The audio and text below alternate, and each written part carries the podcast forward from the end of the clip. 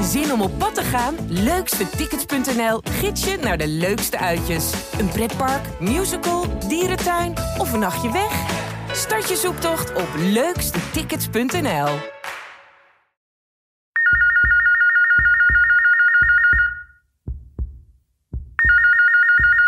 Hallo, met Yvonne.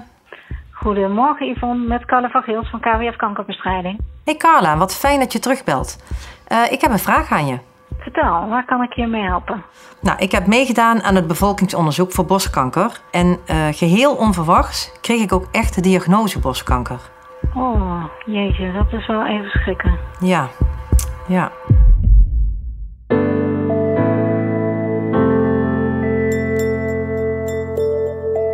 Mijn man en ik gingen in de spreekkamer zitten. De arts schoof haar stoel aan. Ik zag het al aan de blik in haar ogen. Dit was foute boel. Helaas heb ik nog slechte nieuws van vorige week, sprak zij. Ik voelde paniek. Hoe had ik dit kunnen onderschatten? De overtuiging dat de kwaadaardige tumor in mijn borst er als een knikkertje uitgewipt kon worden, verdween als sneeuw voor de zon. Uit de aanvullende MRI-scan is rondom de tumor een gebied van 10 centimeter gevonden, met voorstadiumcellen.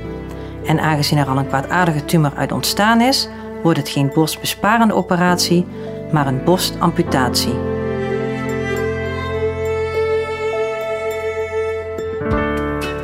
Leven met kanker. In Nederland hebben miljoenen mensen hier direct of indirect mee te maken. Wat is de impact van deze ziekte op een leven? Hoe houdt een mens zich staande als zijn toekomst onzeker is geworden? Mijn naam is Koert-Jan de Bruin. In deze podcast maak ik een wandeling met iemand die leeft na kanker. Tijdens die wandeling staan we stil bij het leven. Want ook al heb je kanker, er is zoveel om voor te leven. Ik sta bij de ingang van het uh, Flevopark in Amsterdam. En uh, het is een hele mooie ochtend. Het zonnetje schijnt. En het gras is nog groen. Dus ja, een ideale dag voor een, uh, voor een wandeling. Oh, nou, daar is ze al, Yvonne. Hallo. Hi, goedemorgen, hoe is het? Ja, goedemorgen, goed Jan. Ja, eigenlijk gaat het hartstikke goed. Ik heb zin in vandaag. Ja? Ja. Vertel eens waarom. Nou, ik vind het echt bijzonder dat ik uh, dit verhaal mag vertellen. Ja, want je hebt nogal een verhaal. Ja, ik heb wel een verhaal. Klopt. En je wilde heel graag jouw verhaal ook, uh, ook delen hier in het Flevopark. Ja, klopt. Uh, en waarom hier? Nou, het Flevopark is echt heel bijzonder, een bijzondere plek voor mij. Altijd al geweest eigenlijk, maar uh, toen ik de diagnose kreeg, ben ik hier gewoon heel veel gaan wandelen. Uh, je komt in het moment dat mensen allemaal met je willen afspreken. Iedereen wil koffie met je drinken. Mensen willen steun betuigen. En ik dacht, nou, ik wil niet alleen thuis zitten, naar elkaar kijken, maar gewoon lekker in het park wandelen. Wandelen al wandelend kom je ook op andere gesprekken, is het minder zwaar. Dus, uh, en ik heb ook heel veel tijd alleen hier doorgebracht. Ja, ja want uh, je vertelde al, uh, diagnose. welke ja. diagnose kreeg jij? Borstkanker. Zo, dat, uh, dat is nogal wat. Ja, klopt. Ja, dat vond ik ook echt uh, totaal onverwacht. Niet aanzien komen. Ik denk niet dat je het ooit aanziet komen, maar ik al helemaal niet. Ik was net 50 geworden en dan krijg je een brief van het bevolkingsonderzoek en die komt binnen. En ten eerste denk je, oh ja, ik ben dus 50, dus die leeftijd is al iets waar je aan moet wennen. En ten tweede ja, is, was is dat zo? Nou, is 50 is wel een dingetje. Ja, tenminste, dat denk, dat denk ik wel. Ik, ik zag er niet tegenop. Ik heb het ook heel groot gevierd. Echt fantastisch. Maar dan komt die brief en dan is het zo'n moment van... oh ja, je hoort nu bij de groep die een hoog risico kunnen hebben. Doordat je zo'n oproep Doordat je zo'n oproep krijgt. krijgt, ja. Dus die brief leg je even weg. In mijn geval, ik leg hem even weg. Uh, en ik vond die brief later weer. En ik dacht, nou, ik ga gewoon die afspraak maken. Want het is fantastisch natuurlijk dat we in Nederland uh, die onderzoeken hebben. Die bevolkingsonderzoeken. Ja, dus eigenlijk heel niets vermoedend ging je, ja, onderging je toch dat onderzoek. Ja. En, en hoe is um, uiteindelijk de diagnose gesteld? Nou, ik uh, had die mammografie en vier dagen later ging de telefoon. was mijn huisarts. En ik dacht al, hé, wat raar, mijn huisarts die belt. En ze vertelde dat er een afwijking was gezien op de mammografie. En dat ik doorgestuurd zou worden naar het ziekenhuis voor vervolgonderzoek. En uh, daar werd een uh, biopt genomen. Uh, dus waar, waar, ze dan op de foto zien ze dan dat er een plekje zit in je borst. Daar is een biopt. Dus een klein stukje weefsel. Ja, een klein stukje weefsel. En ik, dat was op vrijdag en op dinsdag kreeg ik de uitslag. En uh, Nog steeds eigenlijk niets vermoedend. En eh, de arts kwam ons halen en ik zag meteen dat het fout was. Ik zag in haar gezicht gewoon niet, uh, niet goed. Dus nou, toen vertelde ze dat er een kwaadaardige tumor zat. En daar schrok ik heel erg van. En het leek gewoon aanvankelijk dat het een bosbesparende operatie zou zijn. Dus dat kon ik ja, accepteren is ra een raar woord, maar dat, daar raakte ik nog niet echt van in paniek. Maar een week later, want ik had aanvullend een MRI-onderzoek, kreeg ik te horen dat er een heel gebied rondom die tumor zat van voorstadiumcellen. En dan zou mijn hele borst moest geamputeerd worden. En toen raakte ik in paniek. Ja, en wat, wat, hoe uitte zich die, die paniek? Nou, gierende huilbui. Echt oncontroleerbaar. Gedachten aan familie, vrienden, kinderen. Hoe vertel ik het? Uh, hoe ga ik eruit zien? Wat voor behandeling heb ik dan nog meer? Zijn er uitzaaiingen? Uh, hoe gaat het met mijn werk? Uh, allemaal gedachten die gewoon niet te stoppen waren. Ja. ja, wat heftig. Want je hebt in eerste instantie helemaal niets. En dan vervolgens moet je borst geamputeerd worden. Ja, ja, ja. echt heel pittig. Echt heel pittig. Maar ja, ook niet iets waar je invloed op hebt. Waar je iets aan kan doen of waar iets anders voor bedacht kan worden. Dus je moet je er ook aan overgeven. Ik wist ook meteen toen ze zei van... Uh, goh, het gebied is veel groter dan we gedacht hadden. En dat betekent eigenlijk dat uh, je hele borst geamputeerd moet worden.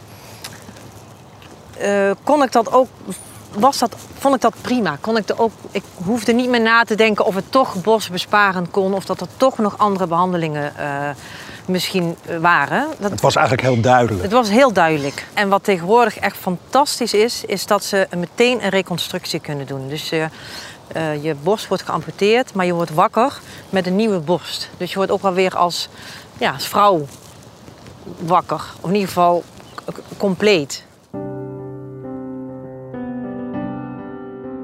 Ik stond met de verpleegster in de badkamer van mijn ziekenhuiskamer.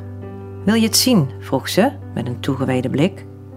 Ik had de hele dag van bovenaf naar de bolling op mijn borst gekeken. Ik had het nog niet willen zien. Met lood in mijn schoenen knikte ik en zei zachtjes: Ja. En ze draaide me om en ze knoopte mijn blouse los. Ik keek naar mijn spiegelbeeld en schrok van het grote litteken op mijn borst. Het was vers en bobbelig. Geef het tijd, zei de verpleegster en ze liet me alleen. Ik bekeek mijn nieuwe borst, de reconstructie.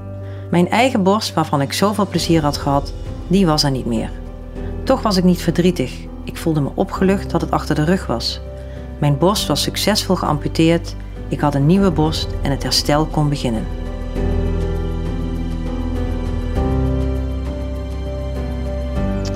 Yvonne, ben je eigenlijk snel geopereerd? Nee, dat duurde echt best wel lang. Dat duurde ongeveer twee maanden. Twee maanden? Oh, dat is inderdaad... Ja. Tenminste, ik kan me voorstellen dat je dan die twee maanden... dat het echt wel zwaar is om te wachten daarop. Is dat zo? Ja, dat enerzijds wel, maar het, het was ook een soort toevallige... Uh, ik ben freelancer en ik was net de week van de diagnose begonnen in het Antonie van Leeuwenhoek bij de Raad van Bestuur voor een opdracht. Dus toen heb ik een second opinion gekregen in het uh, Antonie van Leeuwenhoek. En daaruit kwam dezelfde diagnose. Dus dat was enerzijds vond ik dat heel erg. Anderzijds was het ook wel geruststellend dat het in uh, het OVG dezelfde diagnose was. En toen ben ik ook uh, overgestapt als patiënt na het Antonie van Leeuwenhoek. En vandaar dat het iets langer duurde. Oké, en hoe kom je dan die, die twee maanden door? Want dat, het is natuurlijk wel, ja, het zit wel in je borst. Ja, nou, ik heb een hele fijne chirurg in het uh, ziekenhuis, Hester Oldenburg. En zij heeft me ook echt verzekerd dat de voorstadiumcellenkanker, die groeien gewoon niet zo snel. Dus het, het, was niet zo dat het binnen twee maanden dat de tumor veel groter zou worden. Dus dat stelde me enorm gerust. Maar ja, ik heb in die tijd gewoon heel veel gewerkt. Ik was net begonnen bij de Raad van Bestuur. En het was een hele leuke opdracht. Dus ik heb gewoon heel veel gewerkt. En heel veel gewandeld. Ja. Uh, ik ben normaal helemaal van de borrels, feestjes, leuke dingen. En in die periode had ik daar gewoon helemaal geen behoefte aan. Het was echt terug naar de drie R'en. Rust, reinheid, regelmaat. En daar voelde ik me echt helemaal uh, senang bij. Wat lastig maakt van de diagnose, als je tegen mensen zegt dat je kanker hebt of borstkanker, mensen kijken je aan alsof je doodgaat. Het is nog steeds een soort vonnis wat je krijgt. Dus ik, en ik vond het heel erg lastig om met allemaal verschillende mensen het daarover te hebben. Omdat elke het verdriet van de ander dubbel zo hard bij me binnenkwam. Ja, want de mensen om je heen zijn dan natuurlijk eigenlijk ook wel verdrietig, hè? Iedereen is heel verdrietig. Iedereen is heel verdrietig. En iedereen wil je troosten. En iedereen wil langskomen. En vandaar ook dat we hier nu lekker wandelen, Koert-Jan. Want dit park dat was ideaal om gewoon naar buiten te gaan met mensen. Ja. En waren er nog meer dingen waar jij houvast aan had in die, ja, die wachtperiode? Ja, nou dat was het echt inderdaad, een wachtperiode. Nou, ik had uh, heel veel houvast aan een bepaald boek. Het, is het, het heet het Boskankerboek van uh, chirurg Hester Oldenburg. Is een chirurg van het eh, AWL, ook mijn chirurg trouwens. Oh. Maar, um, en dat boek, daar staat eigenlijk alle informatie in die je wil weten als je die diagnose krijgt. dus heel veel voorbeelden, heel veel verhalen. Dus dat heb ik echt van A tot Z en weer terug doorgebladerd en gelezen. En dat heeft me heel veel houvast gegeven. Dan heb je uiteindelijk de operatie. Ja, ik kan me toch voorstellen dat hè, er gaat letterlijk een, een, deel van je lichaam wordt er afgehaald. Uh, ontzettend spannend lijkt me. Heel spannend. Echt heel spannend. Hoe ben je daar naartoe gegroeid?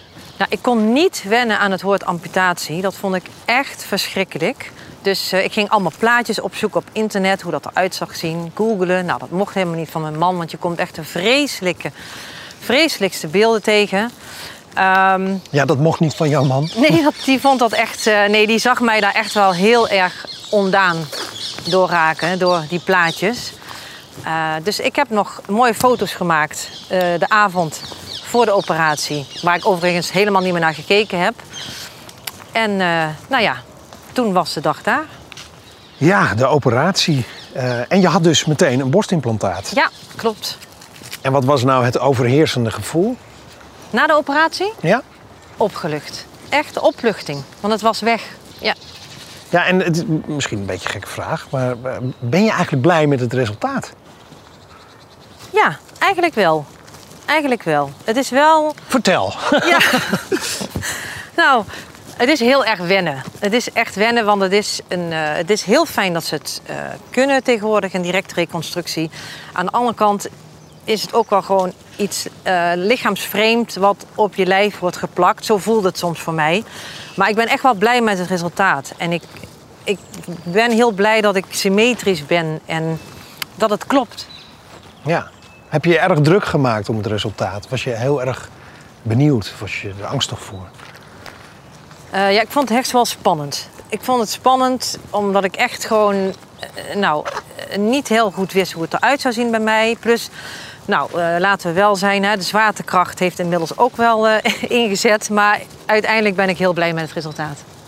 Ja, ik, ik, wil het niet dramatischer maken dan het is. Het is verschrikkelijk en ik had het liever niet gehad, die borstamputatie. Maar nu, het resultaat is prima. En als het nog als er nog iets moet gebeuren, ze kunnen eigenlijk ook alles herstellen tegenwoordig. Ja, dus je bedoelt, er is altijd nog een optie om het eventueel, als het resultaat toch meer uit elkaar gaat lopen, of dat je denkt van nou, ja.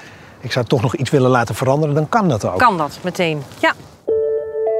Hallo met Carla. Ja, dag Carla, je spreekt met, uh, met Koertjan. Ik bel met Carla van Gils, directeur van KWF en onderzoeker in het Universitair Medisch Centrum Utrecht. Ja, uh, Carla, Yvonne is er dankzij bevolkingsonderzoek achtergekomen dat ze kanker had. Uh, wat is een bevolkingsonderzoek eigenlijk precies? Ja, bij een bevolkingsonderzoek speur je eigenlijk bij gezonde mensen uh, die geen klachten hebben naar kanker of naar een voorstadium van kanker. En het is dus voor een, het is een onderzoek voor gezonde mensen uh, maar die wel in een leeftijdsgroep vallen die een wat hoger risico heeft. Met het idee dat als je dan iets vindt, uh, dat je er ook op tijd bij bent. En, en welke bevolkingsonderzoeken worden er in, in Nederland gedaan? Nou, in Nederland hebben we drie lopende bevolkingsonderzoeken. Um, we hebben ten eerste voor uh, onderzoek voor baarmoederhalskanker bij vrouwen vanaf 30 jaar. Bij vrouwen vanaf 50 jaar hebben we bevolkingsonderzoek borstkanker. En voor darmkanker hebben we een bevolkingsonderzoek bij mensen vanaf 55 jaar. Ja, en uh, nou, misschien is het een beetje een open deur, maar, maar waarom is het verstandig om mee te doen? Als je kanker vroegtijdig kan opsporen, dan zorgt dat ervoor dat je het beter of eigenlijk effectiever kunt behandelen. En het heeft ook als voordeel dat je misschien met een minder zware behandeling toe kunt. We weten nu in Nederland dat de, dat de borstkankerscreening jaarlijks zo'n duizend levens uh, redt. Bij het bevolkingsonderzoek darmkanker zijn dat er naar schatting meer dan 2000. Bij de baarmoederhalsscreening uh, zien we ook meer dan een halvering van het aantal sterfgevallen door het bevolkingsonderzoek. En uh, daarom adviseert KWF om, uh, om ook mee te doen als je wordt uitgenodigd. Ja, als ik het zo hoor, dan, ja, dan is het gewoon een goed idee om mee te doen aan bevolkingsonderzoek. Maar uh, zitten er ook nadelen aan? Ja, er zitten inderdaad ook wel nadelen aan. daar moeten we ook eerlijk over zijn. Allereerst, en dat weten heel veel mensen, ook worden de onderzoeken regelmatig als onprettig ervaren. En um, nou, dan is er ook bijvoorbeeld bij bevolkingsonderzoek darmkanker een kans op complicaties als je wordt doorverwezen voor een coloscopie, al is het maar een heel klein, klein risico. Um, en een coloscopie, dat is een kijkonderzoek van de darm. Verder weten we ook dat de testen die we gebruiken in de bevolkingsonderzoek, die zijn goed, maar niet 100% perfect. Uh, dat maakt dat er aan de ene kant een kans is dat je een kanker mist, die er wel is. Uh, aan de andere kant kan het ook zo zijn um, dat de test aanleiding geeft voor een vals alarm. Dat wil zeggen dat, dat je wordt doorgestuurd voor verder onderzoek en dat later helemaal geen kanker blijkt te zijn.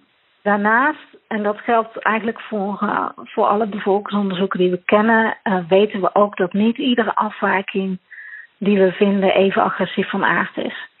Maar we behandelen ze wel allemaal. En als je dan een voorstadium vindt, zoals bij het bevolkingsonderzoek darmkanker met de darmpolypen, dan zou je eigenlijk ook willen weten of, of dat die polypen ook daadwerkelijk zo agressief zijn dat ze een gevaar vormen. En nou, nu is dat onderscheid nog niet altijd heel goed te maken en dan krijg je overdiagnostiek. En dat wil zeggen dat eigenlijk dat je van iemand een patiënt maakt, terwijl die anders misschien geen klachten zou hebben gekregen. Ja, maar als ik het goed begrijp, dan wegen de voordelen in ieder geval wel echt op tegen de nadelen. Ja, dus, dus ondanks de nadelen die ik noemde, zien we dat die voordelen daar goed tegen opwegen. Ja, we redden er levens mee en de behandelingen zijn vaak minder zwaar en ingrijpend uh, als, je die, als je die ziektes ook eerder kunt ontdekken. Nou, nou krijgen mensen een, een, een, brief in de bus met een oproep om mee te doen aan zo'n bevolkingsonderzoek. Hoeveel procent van die mensen gaat ook echt? Bij bevolkingsonderzoek borstkanker is dat het hoogst. Uh, daar komt 75% van de vrouwen op de screening. Uh, daarna komt darmkanker met ongeveer 72%. Alleen voor baarmoederhalskanker is die opkomst wat lager, uh, 56%. Ja, dus dat is wel echt een stuk lager. En wat zijn nou de redenen dat mensen niet meedoen? Ja, dat, dat verschilt natuurlijk uh, van persoon tot persoon. Maar ik denk dat er zeker een aantal mensen is die, die de urgentie niet inzien. Want ze hebben immers geen klachten, hè? ze voelen zich prima. Dus wat zou er dan aan de hand kunnen zijn?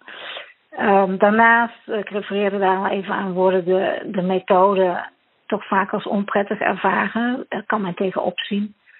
Bij borstkanker hebben we de borströntgenfoto's. Uh, bij baarmoederhalskanker natuurlijk het uitstrijkje met een HPV-test. En uh, voor darmkanker de ontlastingstest.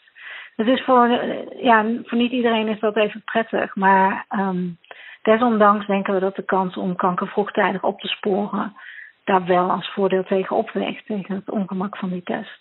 En doet KWF ook iets om die, die opkomst te verbeteren?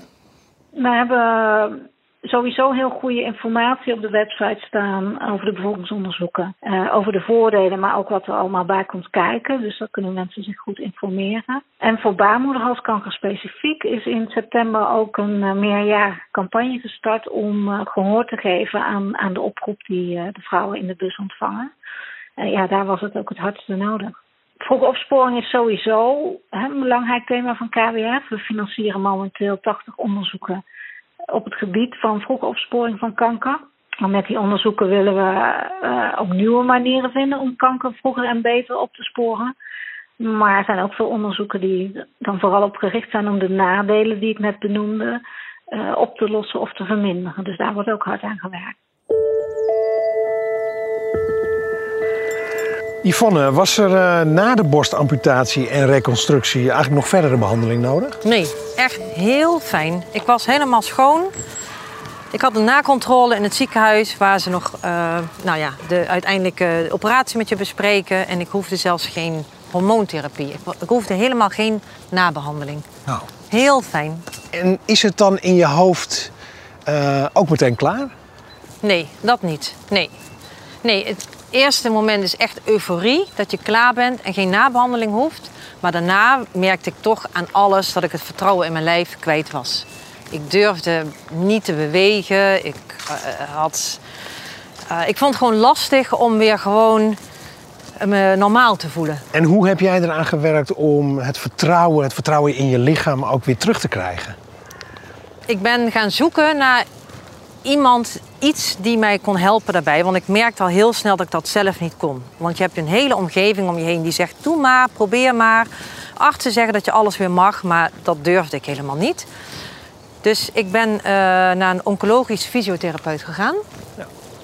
En uh, nou ja, beste keuze eigenlijk ooit. Want uh, binnen zes weken heeft Hielke me geleerd om weer gewoon vertrouwen te krijgen in mijn lichaam, in eigen kunnen. En nou ja, echt, ik denk zes weken, twee maanden na de operatie, was ik weer gewoon helemaal hersteld. En had ik ook echt heel erg veel vertrouwen weer in mijn lijf. Ja, dus zo'n oncologisch fysiotherapeut is wel echt iemand die in zo'n situatie ook specifieke hulp kan bieden. Ja, voor mij zeker. Ja, voor mij zeker. En ik denk dat ieder persoonsafhankelijk. Er zullen heel veel mensen zijn die het zelf kunnen. Uh, ik vond het echt heel lastig. Dus ik had echt hulp nodig. Ja. Hoe lang is het geleden? Bijna twee jaar geleden op het moment dat ik de diagnose kreeg. Oké. Okay. Dus het is twee jaar min twee maanden eigenlijk toen je dat... borst geamputeerd is. En hoe is het nu met jou, uh, Yvonne?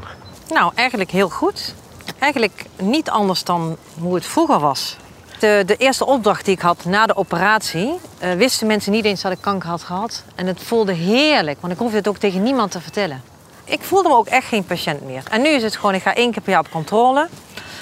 En dat is het. En zou je nou kunnen zeggen, na zo'n ontzettend intense periode, dat je, dat je ook anders naar je eigen leven bent gaan kijken? Of ligt dat anders? Nou, ik, ik hoor mezelf heel vaak tegen mensen zeggen: uh, het had me niet hoeven te overkomen om een beter mens te worden. Ik sta eigenlijk al heel positief in het leven. Ik ben echt een rasoptimist. Uh, dus in die zin heeft het me niet een beter mens gemaakt. Wat het wel heeft gedaan, is dat ik. Uh, ik maak me minder druk om dingen. Uh, ik durf te falen. Dus mijn faalangst is veel minder geworden. Oh ja? Ja. En ik geniet echt wel meer van de kleine dingen. De alledaagse dingen zijn wel mooier geworden. Dus het heeft me wel, ook wel iets gebracht. Maar eigenlijk dus best wel positief. Ja, eigenlijk wel. Ik ben nog alerter geworden om heel bewust een heel fijn leven te hebben. Ik praat verder met Carla van Gils over de toekomst van vroegtijdige opsporing van kanker. Carla, uh, hoe is de kwaliteit van bevolkingsonderzoeken in Nederland eigenlijk op dit moment? Ja, die, is, die is goed. We hebben het in Nederland uh, goed geregeld. Uh, de drie bevolkingsonderzoeken die wij doen, die zijn bewezen effectief. Het wordt in Nederland ook allemaal heel goed georganiseerd. Ja, natuurlijk kan het, kan altijd beter. Wat belangrijker wordt in de toekomst is, uh, denk ik, meer gepersonaliseerde screening. Nu is het zo dat elke vrouw tussen 50 en 75 jaar een, een mammogram krijgt. Om de twee jaar is dat. Nu is het tijdelijk om de drie jaar. Maar de grote vraag is, is dat het beste wat je kan doen? Onderzoekers zijn ook bezig om te voorspellen welke vrouwen nu vaker of juist minder vaak een mammogram nodig hebben. Uh, zodat je eigenlijk vooral bij de mensen bij wie de kans op kanker het hoogste is, um, de testen inzet. Kan jij wat meer vertellen over de onderzoeken die jullie mogelijk maken, die jullie financieren om vroegtijdig kanker uh, op te sporen? Ja, nou ja, dankzij onze donateurs kunnen we um, binnen al het onderzoek wat we uh, mogelijk maken ook tientallen onderzoeken financieren op het gebied van vroege opsporing van kanker. Veel daarvan gaan over verbetering van de bevolkingsonderzoeken. En dan moet je denken bijvoorbeeld aan het trainen van computers om uh, in het bevolkingsonderzoek heel nauwkeurig de juiste groep mensen eruit te pikken die verder onderzoek nodig heeft. Nou, daarnaast financiert KWF uh, ook onderzoeken naar geheel nieuwe technieken, zoals kunnen we bijvoorbeeld kanker opsporen in een druppelbloed of, of in urine. Dat zou natuurlijk prachtig zijn. En uh, Carla, waar staan we nou, als het aan jou ligt, over, uh, over tien jaar op het gebied van, van vroegtijdige opsporing van kanker? Ja, als het aan mij ligt, dan, dan kunnen we tegen die tijd echt wel wat screening op maat aanbieden. Dus niet meer screenen volgens de, ik noem dat de one size fits all methode. Dus nu gaat screenen alleen op leeftijd. Hè. Als je 50 bent, dan word je uitgenodigd voor, voor het bevolkingsonderzoek borstkanker. Nou, het zou prachtig zijn als we over tien jaar met die meer persoonlijke risicomodellen kunnen werken. Hè? Wat is jouw kans om borstkanker te krijgen als je bijvoorbeeld kijkt naar je erfelijke factoren of je leefstijl? En het kan dan zomaar zijn dat sommige vrouwen bijna geen screening nodig hebben en andere juist vaker en ook op jongere leeftijd. En dan ga je het bevolkingsonderzoek eigenlijk toespitsen op de groepen uh, waar het het meest effectief en nuttig zal zijn. Nou, als, als, ik een voorbeeld mag geven uit het eigen onderzoek uh, dat ik gedaan heb in het UMC Utrecht. Want ik werk niet alleen bij KWF kankerbestrijding, maar ik ben ook onderzoeker. Bij borstkanker weten we nu dat er een groep vrouwen is met uh, wat we noemen dicht borstweefsel. En voor die vrouwen is dat mammografische onderzoek, die borstfoto, eigenlijk niet optimaal om die borst te onderzoeken. En dat komt omdat het borstweefsel wit opkleurt, maar een verdachte afwijking die er zit, die kleurt ook wit op. Dus die verdachte afwijkingen die worden dan makkelijker over het hoofd gezien. Die zitten een soort, in een soort van mist. Nou, in dat onderzoek hebben we nu aangetoond dat het voor deze groep specifiek effectiever is om een aanvullend onderzoek met MRI te doen. Nou, ja, na zulke personalisering, zeg maar, op basis van andere kenmerken dan alleen je leeftijd, wordt in de komende jaren nog meer onderzoek gedaan. Kan je nou zeggen dat jij echt massa hebt gehad dat jouw borstkanker vroegtijdig uh, is opgespoord? Ja, ja heb ik echt, vind ik echt wel. Ja, dat is echt de verdienste van het bevolkingsonderzoek en de mammografie die je daarbij krijgt. Ik, bij mij is het heel vroeg ontdekt, dus ik ben daar prima uitgekomen. En ja, ik had die amputatie echt niet gewild. Liever niet. Maar uiteindelijk zie ik, nou, als ik nu naar mezelf kijk, dan ja, het is gewoon helemaal goed gekomen. Ja. Ja. Ja, en, en wat zou jij nou willen zeggen tegen vrouwen die om welke reden dan ook twijfelen om een afspraak te maken voor een mammografie? Ik denk dat ik het interessant zou vinden om te onderzoeken waar die twijfel vandaan komt. Ik weet dat heel veel vrouwen eh, het lastig vinden. Ze denken dat het pijnlijk is. Misschien heb je een klein vermoeden dat er iets mis is en ben je bang voor de uitslag. Toch zou ik al die vrouwen willen inspireren om toch te gaan als ze zo'n oproep krijgen. Want het kan heel goed aflopen als je er gewoon in een heel vroeg stadium bij bent. Ga gewoon. Als je die brief krijgt, ga gewoon.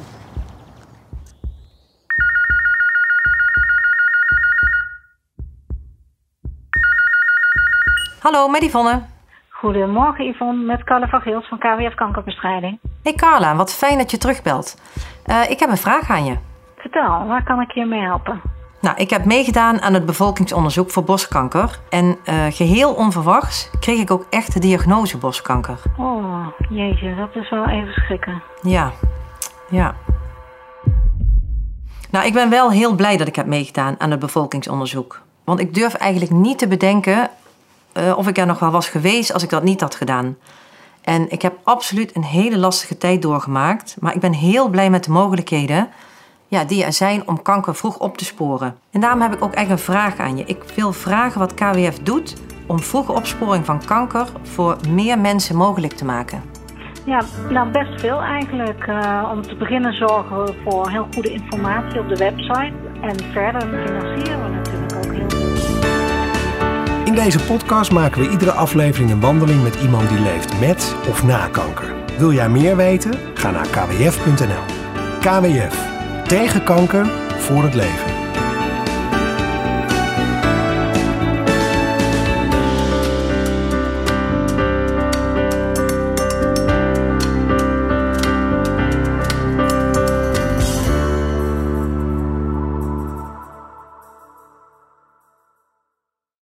Op zoek naar een auto? Op gaspedaal.nl zoek en vergelijk je op meer dan 40 autosites tegelijk.